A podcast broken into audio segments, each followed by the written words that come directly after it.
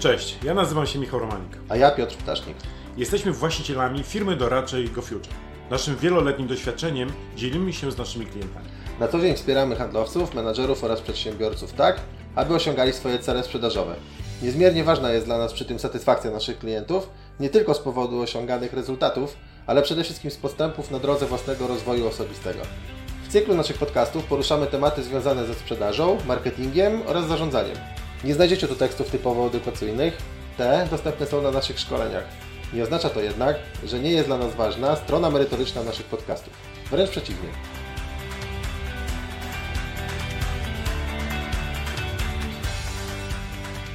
Chcielibyśmy rozmawiać o rzeczach trudnych, czasami niewygodnych, takimi, z którymi mierzymy się w codziennych relacjach interpersonalnych i biznesowych. Chcielibyśmy poruszać i drążyć tematy, które bardzo często są tylko fikcją, napisem na ścianie lub nieprzestrzeganym regulaminem lub zasadą. Stąd m.in. tytuł tego cyklu Szczerze o biznesie. Będzie nam miło, jeżeli włączycie się do dyskusji, zostawiając komentarz. No to lecimy.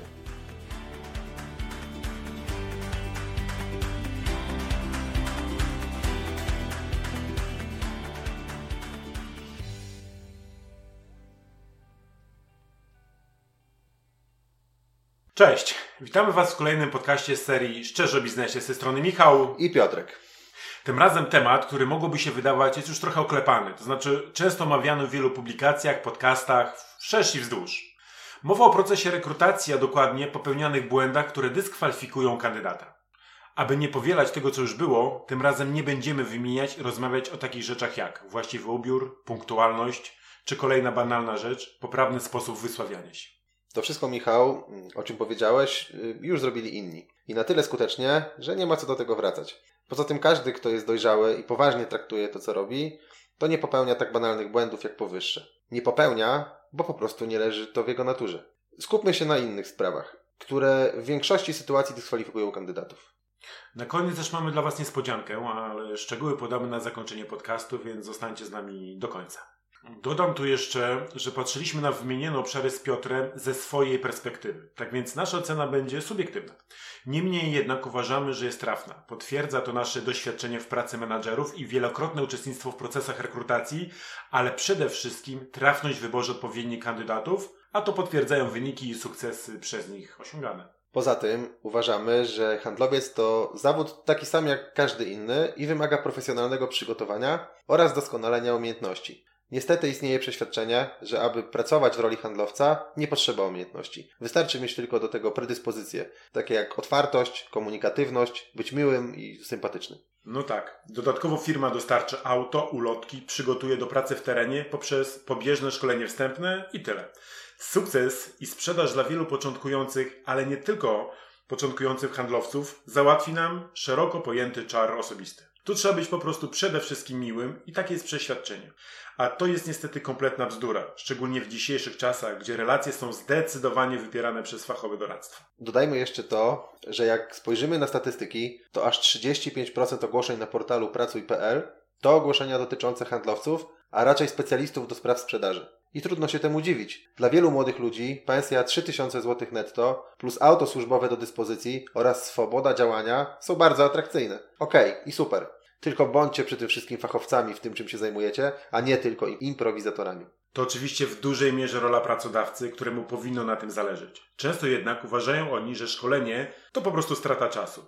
Znamy z Piotrem takie organizacje i osoby, które dysponując bardzo słabo wyszkolonymi handlowcami, a co za tym idzie brakiem wyników, zamiast inwestycji właśnie w ludzi, inwestują w GPS-y, samochody czy inne materialne rzeczy, sądząc, że to poprawi ich skuteczność. Albo wolą wydać te pieniądze na reklamę, która sama w sobie ma przynieść profity. Ale wracamy do sedna, bo trochę jak zwykle odbiegliśmy od tematu. Przedstawimy Wam 10 negatywnych cech, zachowań, które według nas dyskwalifikują kandydata w procesie rekrutacji i rozmowy. Zaczynamy, Piotr? Zaczynamy. No to Ty pierwszy. Zacznę od nadmiernej pewności siebie. Takiej, która bije już od samego wejścia. Często to nawet nie pewność siebie, a raczej buńczuczność, a może nawet cwaniactwo. Nie wiem, co to ma na celu. Psychologicznie zapewne w taki sposób kandydat dodaje sobie odwagi. Tylko po co? Jak się to objawia? Wchodzeniem w słowo rekruterowi, popisywanie się wiedzą, tylko z reguły tą banalną. Do tego używanie protekcjonalnego i mentorskiego tonu wypowiedzi. Ogromną rolę odgrywa tu również, jak i wszędzie, język niewerbalny, czyli noga na nogę oraz cofnięte ciało. Często objawia się to również poprzez założone ręce, czyli postawa zamknięta. To wszystko w moich oczach jest od razu dyskwalifikujące. Co innego to pewność siebie, a co innego wyniosłość połączona z zarozumiałością. Często dotyczy to osób z dużym doświadczeniem. Wydaje się im, że wszystko wiedzą, a potem okazuje się, że nie wiedzą, czym różni się marża od narzutu. To znaczy, hmm, według nich wiedzą, ale akurat teraz tego nie pamiętają, bo dawno z tego nie korzystali. Kiedyś po procesie rekrutacji zadzwonił do mnie kandydat, który nie, do, nie został wybrany. Poprosił o feedback. Jego zachowanie było zgoła inne niż te na procesie. Przyjął mój feedback, a na pytanie, dlaczego w taki sposób się zachowywał, odpowiedział mi, że znajomy mu doradził, aby, uwaga, aby nie dał się zdominować. Przechodzimy dalej. Michał? Tak. Teraz ja i mój kandydat ulubieniec, kandydat ekspert. Widzę uśmiech na ustach Piotra, bo wie, jak lubię te dyskusje, dyskusje podczas prowadzenia procesów. Ta osobowość poniekąd wiąże się z osobowością, o której mówił Piotr, czyli nadmierną pewnością siebie. To kandydat typu czytam dużo książek branżowych, bo sprzedaż czy też zarządzanie to moja pasja. Może przytoczę tu przykład z życia. Kandydat sam z siebie twierdzi, że bardzo zaintrygowała go książka Roberta Cialdiniego Sześć technik wywierania wpływu i stosuje je podczas wizyty w terenie. Moja riposta? To proszę mi wymienić te techniki. I tu się zaczyna szukanie w głowie, hmm, i tak dalej. E, reguła dobroci? Reguła wzajemnej wzajemności? Hmm. Może którąś inną jeszcze pan zna? No nie, no teraz nie pamiętam. No i nawet może i tą książkę kandydat przeczytał, tylko co z tego? Drodzy kandydaci, my naprawdę znamy się na swojej pracy i czytamy wiele branżowych książek. Nie chcę się już tutaj wyżywać, ale podam kolejny przykład. Mm, pytanie do mnie tym razem od kandydatki na stanowisko menedżerskie. A jaki pan, panie Michale, styl zarządzania preferuje? Na to jak Keneta Blancharta, zarządzanie sytuacyjne, które notabene ogromnie cenię i wykorzystuję w praktyce. Odpowiedź, odpowiedź kandydatki połączona z przerażeniem w oczach. Mm, aha, rozumiem. No ale, ale Piotr zna mnie i, i wie, że będę ciągnął ten temat dalej. Mm, czy pani również pasuje ten styl? Kandydatko, kandydatka odpowiada, tak, oczywiście. No i moje pytanie knockout. Ale co konkretnie jest spowodowane, że preferuje pani akurat ten styl? Długa cisza, a potem, no uważam, że ogólnie jest fajny i skuteczny. I tu już daje się wyczuć, że jest to bardzo niewygodny temat dla kandydatki, no ale no, no cóż, no ciągnę temat dalej. A w obecnym zespole, w którym z obszarów według Keneta Blancharta ma Pani najwięcej osób? No i tutaj kandydaci z reguły nie pamiętają, nie wiedzą, w ogóle nie mają ulotek przy sobie, kiedyś też taką odpowiedź dostałem, no ale wiadomo, no, dla mnie jest to już koniec. W tym punkcie zawrę jeszcze jedno, to znaczy wypisywanie w CV ogromnej ilości przebytych szkoleń i używanie w opisie umiejętności takich sformułowań jak znajomość technik sprzedaży, obszerna i specjalistyczna wiedza z technik sprzedaży, szerokie umiejętności negocjacyjne. I tu za każdym razem, jak to widzę, zadaję dokładnie to samo pytanie i z reguły nie zakładam, że kandydat rzeczywiście nie brał udziału w tych szkoleniach. Moje pytanie to, proszę powiedzieć, jakie techniki pan, pani zna z tych szkoleń, ale tak naprawdę interesuje mnie to, które z nich wykorzystuje w praktyce, konkretnie w praktyce. Przyznam się Wam, że jeszcze nigdy, ale tak naprawdę nigdy nikt tego nie potwierdził. To znaczy nie potwierdził wszystkich wypisywanych umiejętności z rzeczywistością. Papier przyjmie wszystko, zgadza się, ale te wszystkie wpisane rzeczy prowokują, przynajmniej mnie, jestem osobą naprawdę mocno dociekliwą, do ich zweryfikowania. I mam do tego prawo, skoro ktoś się tam umieścił. Kolejny kandydat to kandydat przyjaciel. To osoba, która ze wszystkim się zgadza, przytakuje, a jak trzeba, to oczywiście neguje. Jego podstawowy cel to zrobić dobre wrażenie. To znaczy, żeby rekruter mnie polubił. Według niego to wystarczy, aby zatrzeć ewentualnie popełnione błędy. Tylko z reguły nie zacierają jednego bardzo istotnego braku własnego zdania i umiejętności jego obrony. Nie rozumiem tego. Przecież każdy ma swoje zdanie. Mało tego. Stwierdzenie, że ja się z panem w tym aspekcie nie mogę zgodzić, jest ogromnym atutem. Świadczy o asertywności oraz umiejętności obrony swojej racji. Oczywiście, jeśli odbywa się to w merytoryczny sposób. Kolejny kandydat to kandydat, który ma nieustanny problem z budowaniem zdań, a najprościej mówiąc, płynnej i zrozumiałej dla odbiorcy zamiany myśli w słowa. Czyli ciągłe yy, nie wiem jak to powiedzieć, częste milczenie lub zbieranie myśli. Rozumiem nerwy i to, że komuś zależy, ale jeżeli ktoś jest fachowcem w swojej dziedzinie, a z reguły za takich się kandydaci uważają, to poczucie własnej wartości i umiejętności powinno neutralizować stres. Jeśli się on ma pojawić, to tak naprawdę powinien być tylko na początku spotkania. Poza tym my jako rekruterzy często staramy się go pomóc neutralizować. Dlaczego? Mamy wtedy większą szansę na uzyskanie wyczerpujących odpowiedzi.